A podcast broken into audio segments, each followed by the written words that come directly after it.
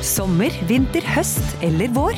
Uansett hva du trenger til hjemmet, byggeprosjektet, bilen eller fritiden, finner du det hos Biltema.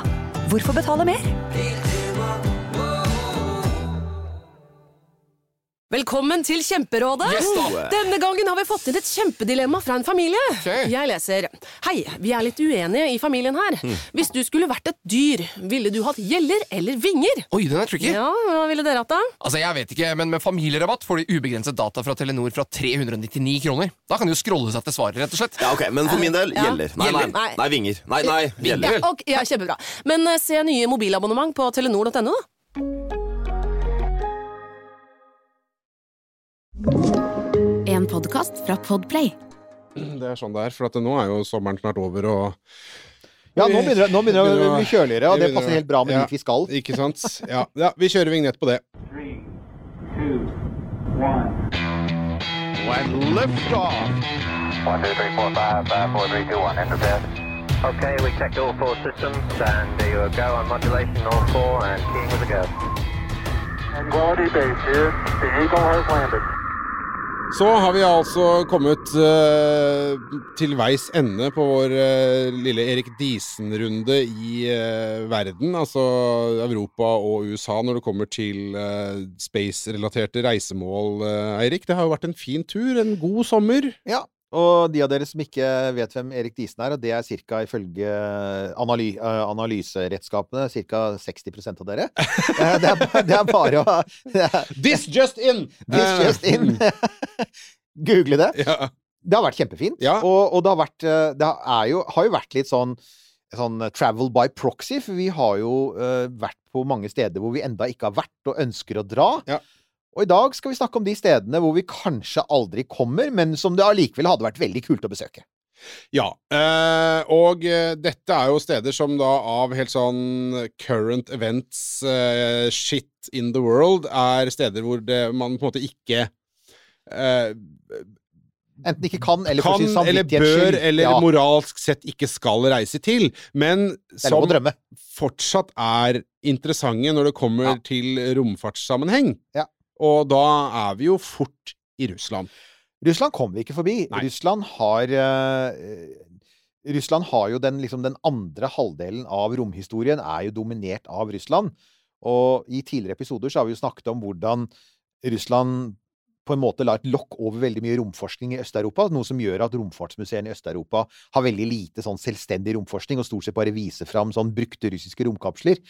Men det det også betyr, er selvfølgelig at eh, når du da en dag, forhåpentligvis, når eh, Mad Vlad er borte, og Russland kanskje er blitt et mer normalt land, og det går an å reise dit igjen, så, så er det mulig for oss å faktisk dra og besøke de romfartsmuseene som Russland har, for de er det en del av. Det er ikke alle som er åpne for ikke-russere. Jeg vet at annet at det er noen av disse designbyråene som har noen innmari kule museer som du nok må ha spesialavtale med, men det fins også noen fantastiske steder å besøke som er åpne for folk flest, og hvor, det, hvor du får se ting som du ikke får se noe annet sted på kloden. Og det åpenbare da, det er jo um, Kosmonautmuseet i, um, i Moskva, eller Kos, uh, Kosmonauthistoriemuseet.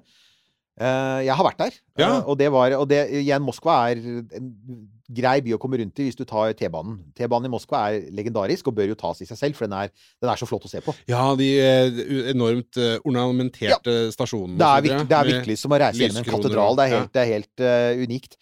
Og det du da skal gjøre, er at du skal ta en T-bane som stopper ved det som heter VDNH-parken. Og det, var, det er gigantisk Alt er jo også veldig stort. Det er som Texas. Alt er veldig stort.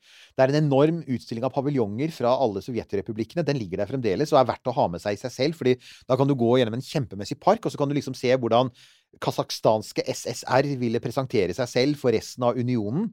Eh, der har du til og med en, en monorail, så hvis du har lyst til å prøve monorail, monorail så, så, så, så kan du prøve det. Jeg prøvde det, selvfølgelig. Ja, Eh, det, jeg tror faktisk det var en automatisk eh, monorail, og jeg bare tenkte jeg håper virkelig at denne monorailen er bygd av en ekstern vestlig leverandør, eller en japansk leverandør, og ikke av russere, men uff, nå var jeg Så det er altså i Moskva og Las Vegas, der er det monorail? Ja, det, jeg har prøvd den i, selvfølgelig. Ja, den den i er i Vegas. Jeg har kjørt masse. Ah, kjempe. Ja. monorail er kult. Ja. Totalt meningsløst, kostbart, Ja. eh, poengløst som transportbil, men innmari kult. Ja.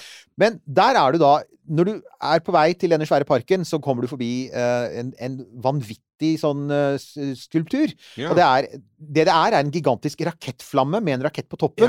Som heter Monument over ro rommets erobrere, eller da på folkemunne Den impotentes drøm. Ja, stemmer. Og under der, det er på taket til dette fantastiske kosmonautmuseet. Så under der så ligger da ja, et- dette er stedet for alle romfa romfartsnerder. For her har du Vostok 1, Gagarins eh, kapsel. Du har romdrakten hans. Du har utstoppede romhunder, Strelka og Belka. Eh, og så har du Lunokod, eh, måneroveren. Eh, for meg så var det et sånt spesielt øyeblikk. var det jo plutselig så har de, de har um, samlet det som fantes på Sergej Koroljov, som vi hadde en sending om for ikke så lenge siden. Ja. Hans arbeidsrom fins på dette museet. Ja. Og da får jeg igjen den følelsen som du, når du står foran en sånn type en Apollo eller en romferie som er sånn OK, historiens sus, ikke sant? Ja, ja. For at da har du på en måte Han hadde likte å ha en sånn der lang lærfrakt à la herr, her, Flick, herr Flick og the Gestapo. Ja. og faktisk samme hatten. Så litt sånn Og igjen en referanse der. This just in. Uh, ja, ja, ja, ja, da var det, da var det min tur! Dette er til de grader podkast lagd av to menn over 50. Men ja Hei, hei, hei, hei, hei. Hei, hei, hei, Jeg er ikke over 50. Ja, du er ikke over 50. Nei, er du gæren? Jeg er mange år igjen. Ja, du er mange år igjen. Ja, ja, ja. Ok. Ok. Mm. Men uh, referansene har jo vært Ja, referansen er gammel til sinns, vet du. Ja, Ja. det er det vi sier det sånn. Mm. Men arbeidsromans, og uh, du har eh, saluttstasjoner, og du, du kan holde på en halv dag og bare gå og, og, og nyte det. Så den er, og den er også godt forklart. Det er ganske lett for deg å være ikke-russisktalende uh, turist. Så det, det kan anbefales. Og du kan til og med, tro det er et hotell som ligger rett ved som heter Kosmos. Så du kan da bo på sånn sovjetisk style hotell den dagen det hele åpner. Så vi håper det. Eh, Moskva er en interessant by. Det er et fascinerende land som dessverre er fryktelig vanstyrt, og som oppfører seg horribelt i Ukraina. Og jeg håper jo bare det går over så fort som mulig, så vi en dag kan gjøre det igjen. Fordi det er steder å se. Og det gjelder også det andre stedet som mange nordmenn har likt å dra, som egentlig er enklere å komme til, er St. Petersburg. Ja. Eh, der viser det seg, det var ikke jeg klar over, der i det som da i sentrum av St. Petersburg, jeg har ikke vært der da, men der ligger eh, Peter Paulus-festningen, som er liksom stedet hvor byen startet. Dette er det Sankt Peter. det er, ja, nemlig. Ja. Og der, der har du Eller Peter den store. Og der har du uh, Det er sånn must for turister. Der er det mange der du får du, å, å besøke denne festningen. Og i, inkludert i inngangsbilletten så er det faktisk også eh, inkludert prisen for å besøke det romhistoriske museet som ligger der. Ah. Så der ligger det, og det er i motsetning til Kosmonautmuseet, som er kanskje litt mer sånn Det er litt mer publikumsvennlig, og du har litt mer interaktiviteter og slike ting. Så her er det veldig mye fokus på hardcore eh, rakettgreier. Forskere og ingeniører fra Leningrad som spilte en rolle i det sovjetiske romprogrammet. Men det er mye sånn romhardware. Det du ser, da, igjen, der har vi et problem med at nettsidene deres ikke er spesielt gode. Eh, det er man Det nærmeste du kommer, er et engelskspråklig underavdeling av St. Petersburg-museenes samlenettsted. Men hvis du ser på hva folk sier på Google, eksempel, når de omtaler dette, så sier de det er helt greit, men det er ganske mye kjedeligere enn det i Moskva. Så bare sånn at dere vet det. men du har da altså romkapsler, du har, du har lunokodde igjen, og du har romdrakter. Og, og hvis du er i St. Petersburg, så er det selvfølgelig verdt å få med seg. Eller den dagen. Ja, en dag. ja, en dag! Ja, kanskje en gang. Så har vi det som jeg Det har jeg alltid hatt veldig lyst til å besøke, og det er altså den, den Romfartens far heter jo Konstantin Tsjolkovskij. Han kommer fra en liten by som heter Kaluga, som ligger noen eh, hundre kilometer vest for Moskva. Ganske greit å komme til. Eh, tog kjøre. Eh, der har de for det første et stort museum som er, ser ut til å være veldig moderne, og som er en svær utstilling, annet en fullskala uh, Soyuz-rakett på utsiden Oi. og massevis av russisk romteknologi og mye interaktiviteter. Det det ser ut som, dessverre, er at veldig mye er på russisk. Ja. Dette er ikke et museum som egentlig er beregnet på vestlige familier, men for hardcore romnerder så kan det være interessant. fordi at ikke så mange Hardcore romnerder som kan russisk? Ja, og som eventuelt betaler for en guide, for det kan du gjøre. Ja, okay. Du kan alltid gjøre det, og det, det, det er det mange som nevner, er bare spør i, i resepsjonen på museet, bare spør ved inngangen, og si eh, kan vi få en omvisning. Og da er det Husk på, lønnsnivået i Russland er dessverre for russerne sjukt mye lavere enn her i, i Vesten. Så du vil ofte kunne finne folk som er villige til å ta deg med rundt, og folk som forklarer for deg. Så det kan gjøres. Og ikke så langt unna dette museet så ligger også Tsjol- Tsjolkovskijs eh, Tsjolkovskijs hjem, med massevis av historiske dokumenter og slike ting. Så det, Kaluga kan besøkes av to grunner. Ja. Men det er rosinen i pølsa her er det, Alt dette er jo utafor nå. Det går ingen fly mens vi lager dette. Du skal uansett ikke besøke Russland. Ikke legge igjen penger i Russland, for vi veit hva de pengene går til, så nei. Men så er det da det, hvis, du, hvis du likevel har en veldig sånn hankering for Soviet space, og til og med å se en Soyuz rakettoppskyting Baikonur, som jo er det stedet hvor de flesteparten av rakettene er skutt opp. Ja, men eh, det Altså, hvis man tenker sånn rent sånn territorielt, så er vel det mulig. Det er det det er. For Fordi Baikonur det er vel strengt tatt ikke i eh, Russland. det er i Kasakhstan. Ja. Og det vi da ser, da, er at Russland, Russland forvalter det som russisk område. Ja. Det vil si at Og det som jeg ikke får klart svar på, og det er fordi at du kan ikke bare dra til Baikonur. Nei, det vil jeg tro. Baikonur er sperret område. Ja. Men det man gjorde, begynte å gjøre for en del år siden, så, var det, så satte man ut på anbud til diverse turoperatører, og da er det særlig eh, et eh, selskap som heter Baikonur Tour, eh, og jeg skal legge lenke til dem, for at eh, alt jeg har hørt er at de er seriøse, men igjen, jeg tar det forbeholdet. Men de arrangerer da altså faktisk turer til Baikonur, og det er pakketurer. Og da de, ordner de alt. De ordner liksom papirene du trenger for å komme inn. Og hvis du er utlending, så må du legge med en eh, fotokopi av passet ditt og, og slike ting. For igjen, det er jo, det er jo delvis eh, militære ting som skytes opp der. Eh, Og jeg var innom der nå for noen dager siden, og de selger faktisk turer for hvis du har lyst til å se Soyuz MS-22, som altså skal opp med kosmonauter, i september i år. oh, ja. Du må være noen uker i forveien, da, Ja, så du må passe på. Jeg tror mm. det er sånn tre-fire uker i forveien som du sender inn eh, søknaden. Så har de pakketurer fra 2100 til 5300 euro, avhengig av hvor mye du vil ha, liksom. Du Ja. kan få basic hotell. Uh, jeg antar at det er mye sånn uh, Altså ganske basic kasakhstansk mat. Ja, det skal du ikke Nei, du skal ikke kimse av det. Det det, gøy, men det, er, det. er mye sau, er det ikke det? Nei, hest øh, Eller nei, vet du hva?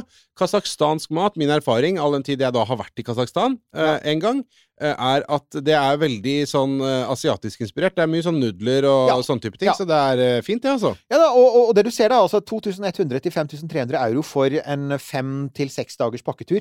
Og hvis du tenker på det, ja, det høres dyrt ut, ja, var ikke det 15 000-20 000 kroner for det billigste? Vel, altså seks dager i Syden. eh, du, seriøst, du kommer ikke så langt unna Nei, det. Så selve prisen er ikke så verst, og da fungerer det sånn at du må komme deg til type um, eh, Nur Sultan, er det det? Ja, airport, ja. Ja, til mhm. hoved, hovedflyplassen. Ja. Og så eh, flyr de deg da inn til den nærmeste lokalflyplassen, som ligger i Som har det fantastiske navnet Kyslorda.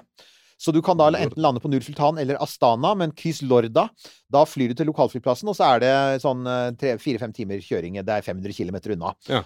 Uh, og da kommer du deg inn, og da får du omvisning på området. Du får se blant annet en buran. Uh, du får se de historiske stedene hvor, altså, hvor Vostok 1 ble skutt opp, og du får se en rakettoppskyting. Eh, og hvis det høres ut som en reklame, så er det bare fordi at jeg har veldig lyst på det selv. Men jeg kan ikke, ikke altså, jeg, Dessverre ikke nå. Men formelt sett så sier de, dette selskapet, hvor det seriøst det er Formelt sett så sier de at nei, men vi kan få deg inn, for at du, du skal ikke innom Russland. Nei, men altså, det vil jo gå eh, penger til russiske Det går penger til Russland, så jeg vil jo si at de igjen med anstendigheten i ja. behold. Men hvis du, har, hvis, hvis du vil ha noe på bucketlista di, da, Ja. og si at én dag har jeg lyst til å gjøre A, B, C, D, ikke sant? Vel, jeg kan si at på min bucketliste, helt klart pakketur til Baikonur. Er du Mm. gal? Ja. Det er klart det hadde vært kjempekult. Og da får du i tillegg da full Kasakhstan-pakke. Da kan du legge inn en ekstra uke og drikke hestemelk og spille polo med avkuttede menneskehoder, eller var det i gamle dager? Det var det, var det vel. Det, det tror jeg Ja, det eh, Det var, det var Djengis Khan, det. Ja. Ja, Beklager. det var. Beklager alle fra Kasakhstan. Men eh, jeg var, var på sånn besøk der til eh, det, det kasakhstanske romsenteret. Som ikke var så mye å skryte akkurat Nei. eh, da jeg var der, men de hadde voldsomme planer. Eh, For utbygging av eh, anlegget. Så noen modeller og sånn av hvordan de skulle bli. Og den, eh, direktøren for dette romsenteret Han drev og fortalte om alt de skulle gjøre. Eh, Så et land som ha, i hvert fall hadde eh, ambisjoner om å melde seg mer selvstendig på i dette kappløpet, er jo Kasakhstan. 1202. Noe av det som er så fint med podkast, det er jo at du kan høre på samtidig som du gjør noe annet. da Rydder i kjelleren eller boden, f.eks. Og alt du trenger av flytteesker og oppbevaring, det finner du på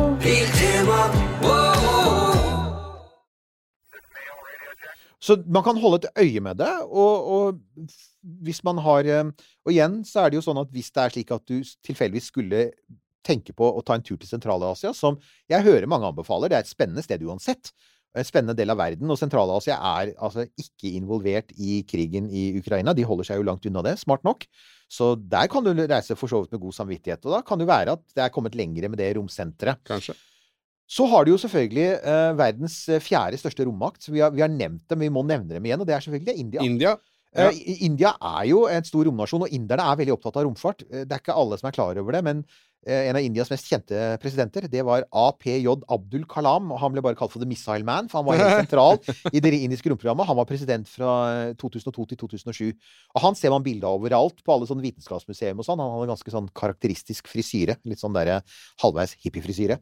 Men eh, han eh, Eh, Han har gitt opphav til en haug med altså gitt navnet sitt til en haug med rom, eh, romsentre rundt om i India. Og de har jo faktisk to separate oppskytingsanlegg med tilknytta besøkssentre. Problemet er at de har veldig strenge inn, inn, altså inntredenskrav. Ja, det er som JPL, men du kan, du kan muligens komme deg inn som, eh, som utlending, men du, egentlig så skal du være i presse. Ja. Det er eh, Altså, statsborgere kan normalt besøke det, men er du utlending, så må du uansett besøke god tid i forveien.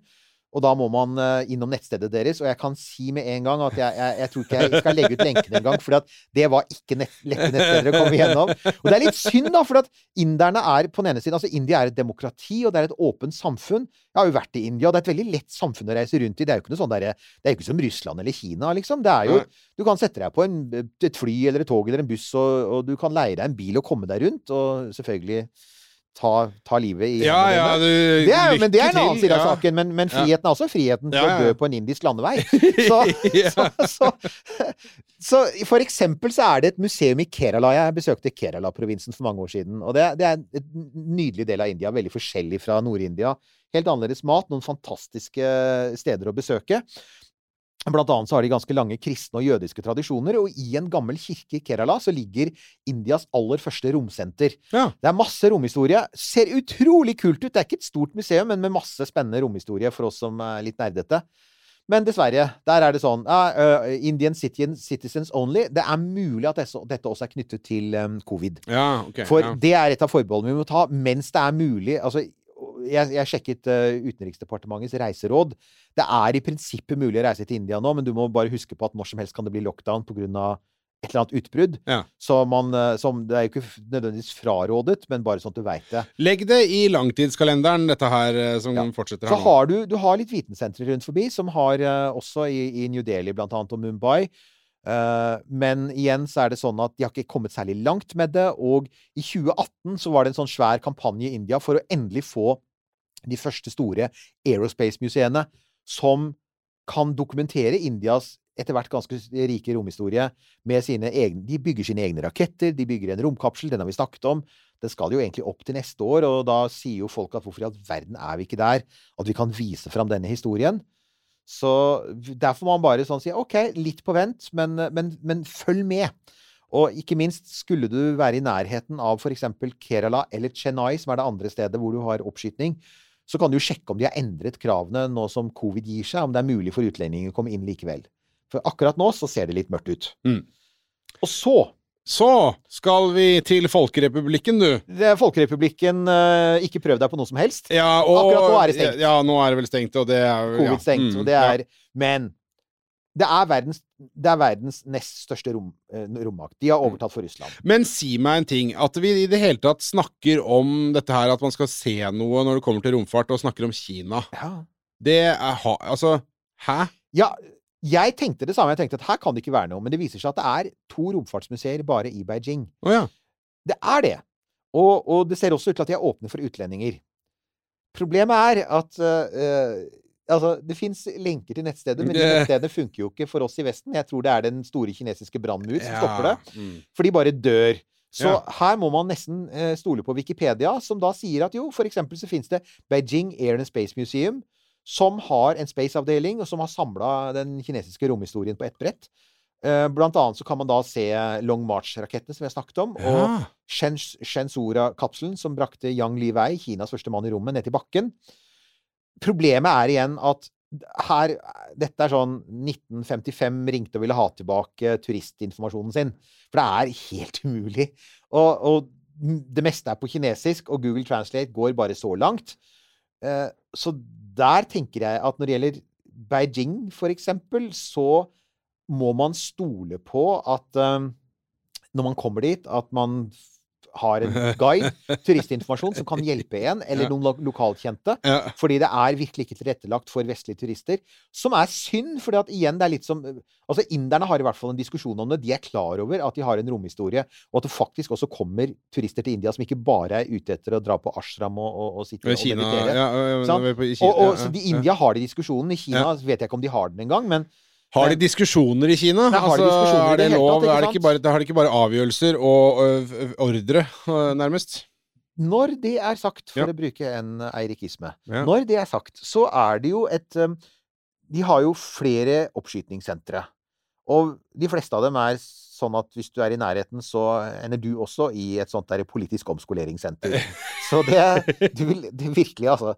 Så det finnes, så finnes det ett, og det er på Hainan, som er det er jo en øy lengst sør i Kina, rett utafor Vietnam. Ja. Eh, Og der har man jo nå bygd opp et svært uh, space launch-kompleks i Wenchang. Og vi, det har, de siste åra så er det blitt stadig mer videoer sluppet på kinesisk TV av folk som samles der for å se på oppskytinger à la Cape Canaveral. Oh, ja. Og, og det er sånn folk som sier sånn Og jeg vet ikke om dette bare er lojale partimedlemmer, men det folk sier da, er at folk som har vært der før covid, sier at det fantes et besøkssenter der. Og folk har lagt igjen anmeldelser, også folk fra Vesten. De sier at det går faktisk an, hvis man er i den delen av Kina, helt nede ved Vietnam, på Hainan, så var det mulig å få omvisninger også for folk fra Vesten. Men hvordan det er nå, er litt usikkert. Men dette er igjen, jeg, jeg nevner bare dette, for at OK, Kina, bucketlist, Ja. det får bare være. Legg det på langtidskalenderen. Det er langtidskalenderen, men ha det i bakhodet, folkens. Og, og hvem vet, hvis en av dere, hvis noen av dere som hører på, tilfeldigvis skal til Kina, så bare vit det fins romhistorie i Kina, og noe av det kan være åpent for sånne som ikke, og som ikke er medlem av Kinas kommunistparti. Ja. Så Hæ? Er du ikke medlem? Nei. Er merkelig, det der. Ja, eh, et annet sted som er langt unna. Ja, men det er litt kult, da. Ja. Det er igjen det er litt sånn, ikke helt rosin i pølsa, men likevel. Vi har, for mange episoder siden, i en helt det, det, det som, det var som et, om det var et annet år, helt på starten av sommeren, Ja. så nevnte vi at i Storbritannia så hadde de ikke mye romhistorie, men de hadde en rakett Ja. som de drev og skjøt opp, og den skjøt de opp fra et sted som heter Woomera, eller Woomera. Jeg er Ja. litt usikker på det. Men det er altså da Det er en sånn rakettskytefelt i Australia. Og det er selvfølgelig Når du skal skyte opp raketter, så dropper du første trinnet, og så sender du andre trinnet opp i bane. Mhm. Og da vil du enten skyte mot øst over hav, sånn som amerikanerne gjør ikke sant? I, i, i Cape Canaveral. Uh, og som for så vidt kineserne nå gjør i Hainan, og inderne gjør i Chennai. Du skyter mot øst over hav, for du vil ha hjelp, drahjelp fra jordas rotasjon. Og så vil du ikke at ting skal lande på um, Folk. Nei. For øvrig har jo Det var bare sånn helt malapropos, men kineserne har et eget ord for eh, sånne steder som myndighetene har lov til å droppe rakettrinn på. Det er sånn derre sånn eh, sa, sacri Sacrificial areas er det direkte oversatt. Det er sånn Dette er områder som kan ofres. Så ja, hvis du bor så hvis du sånn eh, hvis du skal kjøpe bolig i Kina, så sjekk om det er sacrificial area, for da kan det lande et uh, førstetrinn fullt av giftig hypergolisk uh, brennstoff i hodet ditt, og det har de lov til. Ja. Eh, Australia er stort sett ørken, det vet vi jo. Innlandet i Australia, det er jo uh, outbacken. Ja. Det er lite folk. Dette var jo selvfølgelig på 50-tallet, da man ikke tenkte at det bor jo folk der, det er bare at de tok man ikke hensyn til. Det er Ja. urbefolkningen. Ja. De meste av disse områdene er jo nå managed, altså aboriginal managed areas, og jeg tror faktisk også Woomera er det. Men uansett så kan du da besøke det. Det er en missile park, det er et museum. Um, sky skytefeltet var altså 120 000 kvadratkilometer. Det er altså som en tredjedel av Norge. Det er så stort som hele Sør-Norge. Og det ligger da, hvis du er i, på sørkysten av Australia, hvis du skal til Australia, for nå er det mulig å reise dit Ja, det Eh, og det som er veldig vanlig for folk som reiser til Australia, er f.eks. å leie en campervan og så Ja. kjøre rundt. Ikke sant? Ja, det er litt sånn drøm for mange. Og da er du Og Australia er som USA. Det er kjempeavstander. Folk er vant til å kjøre fort. Uh, Det er mye sånn highways innover i landet. Uh, Så 500 km nord for Adelaide, med andre ord sånn rundt fire-fem timers kjøring, langt ut i outbacken, der ligger det. De har altså gjennomført over 500 oppskytinger der. Oh, shit! Og her kommer da det som kanskje er litt kult for oss som også er litt sånn Apollo-nerder. Lenge så hadde amerikanerne et svært anlegg der hvor de drev og tok ned eh, signaler fra For at når, når deres romkapsler, Ja. Mercury, Gemini og ja, Apollo, de går jo i bane rundt jorda. Ja. Og de passerte alle sammen over Australia eh, i, løpet av, eh, i løpet av et døgn. Og da var dette et perfekt sted å, å sende og ta imot signaler. Ja. Så mye av det utstyret er fjernet, men historikken er tatt vare på. ja. Så, så ja, det er da en ting som uh, folk sier er verdt å gjøre. Og hvis du uansett er på vei ut i outbacken og har tenkt å risikere at bilen bilen din bryter sammen og du dør av tørst, Ja, så, mm. så er det Kan du ta en tur der. Er Bruk, bruk solkrem og ha med Jo, masse vann. jeg, det jeg syns er litt kult, er at det er jo uh, Jeg har begynt å innse at en, en god del både Altså alt space-relatert, enten det er raketter eller det er observatorier, du, du skal virkelig langt av gårde. Ja, du skal ville det. Ja, du skal ville det, og det er litt kult. Så helt til slutt. Vår aller siste stopp på denne ferden er også det som er aller lengst unna Norge, og det er New Zealand, som jo Vi hadde en episode om Rocket Lab for ikke så lenge siden. De har jo et launch-kompleks på New Zealand. Det var der de startet. Nå Ja. har de flyttet mye av virksomheten til USA, men på, i Mahia i New Zealand så skyter de fremdeles opp sine eh, elektronraketter. Og eh, nok en gang, det er isolert. Det er ca. åtte timers kjøring fra Auckland, hovedstaden. Og da kjører du østover, for igjen, du vil gjerne skyte over mot øst og utover havet. Det er verdens første helprivate oppskytingsplattform. Det er Ja. viktig å ha med seg. Ja. Og her er det mulig å se oppskytninger. Det er ikke så mye annet å se hvis ikke det skjer noe. Altså hvis ikke det, og det er ikke noe rart, egentlig, for dette er et lite selskap. Det er ikke noe annet du skal gjøre der. Nei, men, Nei. men altså, Mahia er visstnok pent, da. Ja, ja, jo, men Så- er, herregud, New Zealand er jo fantastisk. Og det er et nydelig land, og det er fantastisk landskap. Og der er det igjen sånn at hvis du kombinerer det med en sånn der kjøre rundt med leie bil og kjøre rundt og se på landskapet Så dette er jo den liksom så, omtrent så langt øst du kommer i landet, og det er på en sånn pynt. Og hvis du da ser at uh, Rocket Lab faktisk har en oppskyting tilfeldigvis når du er der, så gjør det, og bare, bare vit at um, Parking and facilities are limited and no toilets are available. Så det er, der, hermed er du advart. Men det er, jeg syns jo det er litt søtt, da, for det er sånn Det ligger på en pynt, og du Ja. vil se det fra en strand. Ja. Og hvis du tenker på det, det er jo sånn også, for å gjøre slutte sirkelen her, så er det jo sånn det kommer til å bli på Andøya òg. Vi veit at Andøya kommer aldri til å bli et gigantisk visitor center med, med svære TV-skjermer og forhåndsbestilling av billetter. Det kommer til å være mye folk som ligger i telt, og så står på strendene rundt forbi og ser rakettene fly opp. Og det er jo litt sjarm med det òg, da. Og det vil være begrenset parkering, og det er ingen toaletter Og ingen toaletter tilgjengelige, så dere på Andøya, bare vær klar over altså, Som eh, noen av oss som bor nær en av Norges største musikkfestivaler, Øya, som nå er i gang igjen Ja. Jeg skal ikke rante om det, men bare si at eh, to år uten Øya har vært en eh, lise for noen av oss. Eh, det Hovedproblemet med Øya er ikke det ekstreme lydnivået, det er alle som har funnet ut at buskene våre er passende toalett. Så de av dere som eh, bor på Andøya, som ikke har hatt så mye folk som tisser og bæsjer i buskene Gå når- sammen og sette opp noe anlegg. så, så, så, så, så, få satt opp de der. For når jeg ser at, at uh, uh, Wairoa kommune i New Zealand sier no, no toilets are available, så tenker jeg OK, sånn kan vi ikke ha det. Eh, Sett opp noen der, så sett opp noen sånne der porta potties og bare få ordna det. Få det på! Oi, oi, oi. Det var eh, det, Dette var jo en lang og usannsynlig reise, på et vis. Men det var jo litt morsom òg, da. Ja, ja, altså, vi ja, endte jo på noen rare steder. Ja, virkelig. Og vi har jo gjennom hele denne serien så har vi endt opp på rare steder. Sånn, sånn derre skauen eh, mellom eh, Tyskland og Tsjekkia og eh, Det er en del Det er noen av disse stedene som krever mer vilje enn andre, det får vi bare si. Det gjør de. Ja.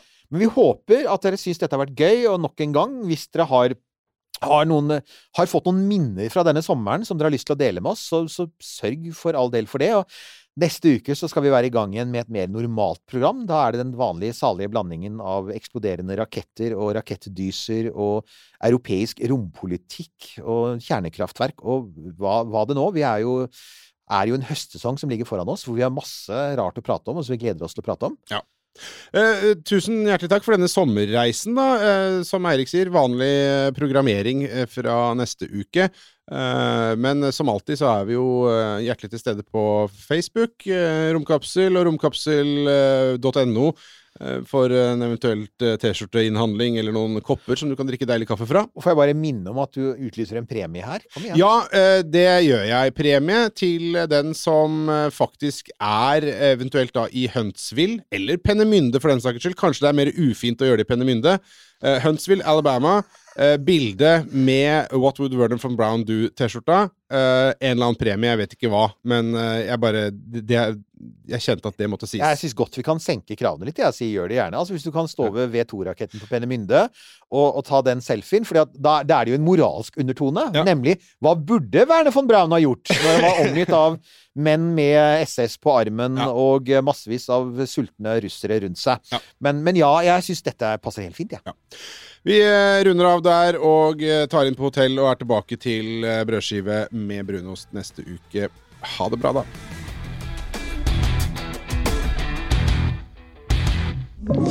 Du har hørt en podkast fra Podplay. En enklere måte å høre podkast på. Last ned appen Podplay, eller se podplay.no. Nå lønner det seg å hamstre påskekosen hos Ark. Ark inviterer nemlig til påskefest med skremmende bra nyheter, pocket fra 99 og 40% på alle spill og puslespill. Ark-påske betyr rett og slett mye påske for pengene. Så fyll opp med påskens favoritter i nærmeste Ark-butikk eller på ark.no.